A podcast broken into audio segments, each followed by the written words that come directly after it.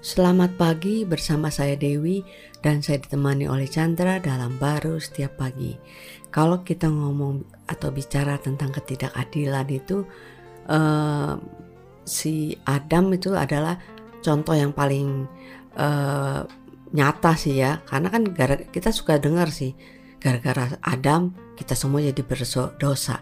Itu kan nggak adil dia yang berbuat kita yang menanggung dosanya kan kalau kita lihat seperti itu kan ya karena Roma 5 ayat 18 ngomongnya begitu. Sebab itu sama seperti oleh satu pelanggaran semua orang boleh beroleh penghukuman. Demikian pula oleh satu perbuatan kebenaran semua orang beroleh pembenaran untuk hidup.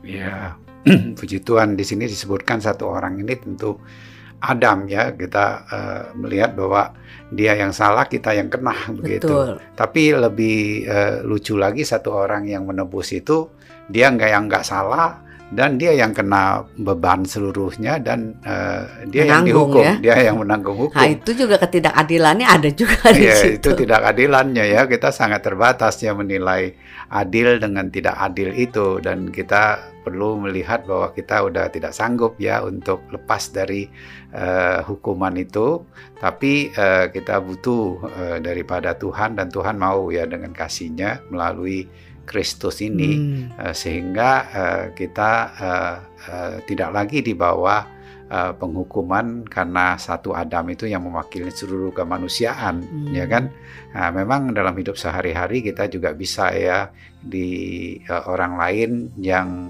melakukan salah kita bisa kena misalnya eh, apakah keputusan satu negara atau apa, apakah keputusan satu uh, pimpinan perusahaan atau keputusan hmm. di dalam satu keluarga bisa aja semua itu terjadi ya hmm. uh, tapi kalau kita melihat kepada Tuhan dengan segala penebusan yang sudah dilakukan dengan selesai dan genap Nah, kita nggak terbawa itu hmm. dengan uh, uh, kesalahan orang lain itu sehingga kita uh, terus menanggungnya, hmm. tapi justru oleh karena uh, Tuhan yang telah menanggungnya, kita punya dimensi pemikiran uh, Kristus itu hidup dalam hidup kita dan itu mempunyai pengharapan ya, mempunyai kekuatan yang jauh lebih besar sama seka, uh, besar sekali ya, sehingga kita nggak terbawa oleh uh, kesalahan itu, tapi ada satu pemulihan dengan kemuliaan jauh melampaui.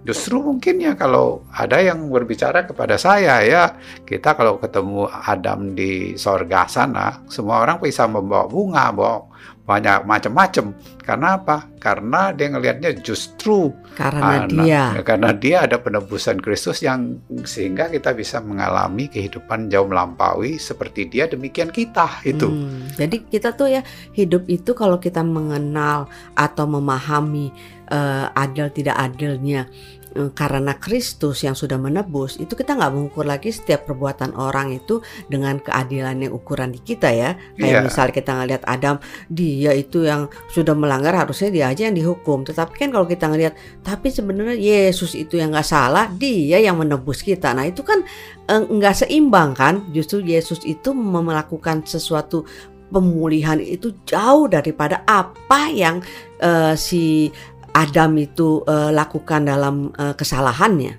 Ya, kalau kita menyadari bahwa dia uh, dipulihkan kan uh, uh, uh, dari kesalahan itu, uh, sehingga kita nggak lagi uh, menuntut kan, misalnya uh, kita uh, ingin menuntut 100 tapi dikasih uh, 10 juta Nah, apa kita nuntut orang itu yang 100 itu? Wah, marah bisa-bisa kita kasih 200. Iya, kita udah nggak bisa nuntut, kita bisa melihat bahwa dia butuh uh, yang pengenalan daripada karya penebusan Tuhan Yesus itu. Itulah Amin. keadilan Tuhan hmm, sebenarnya. Hmm, jadi kita ditebus ke tidak adilan kita sehingga kita tidak menggunakan ukuran keadilan itu sebatas uh, uh, pengertian kita ya. Ya, amin. amin.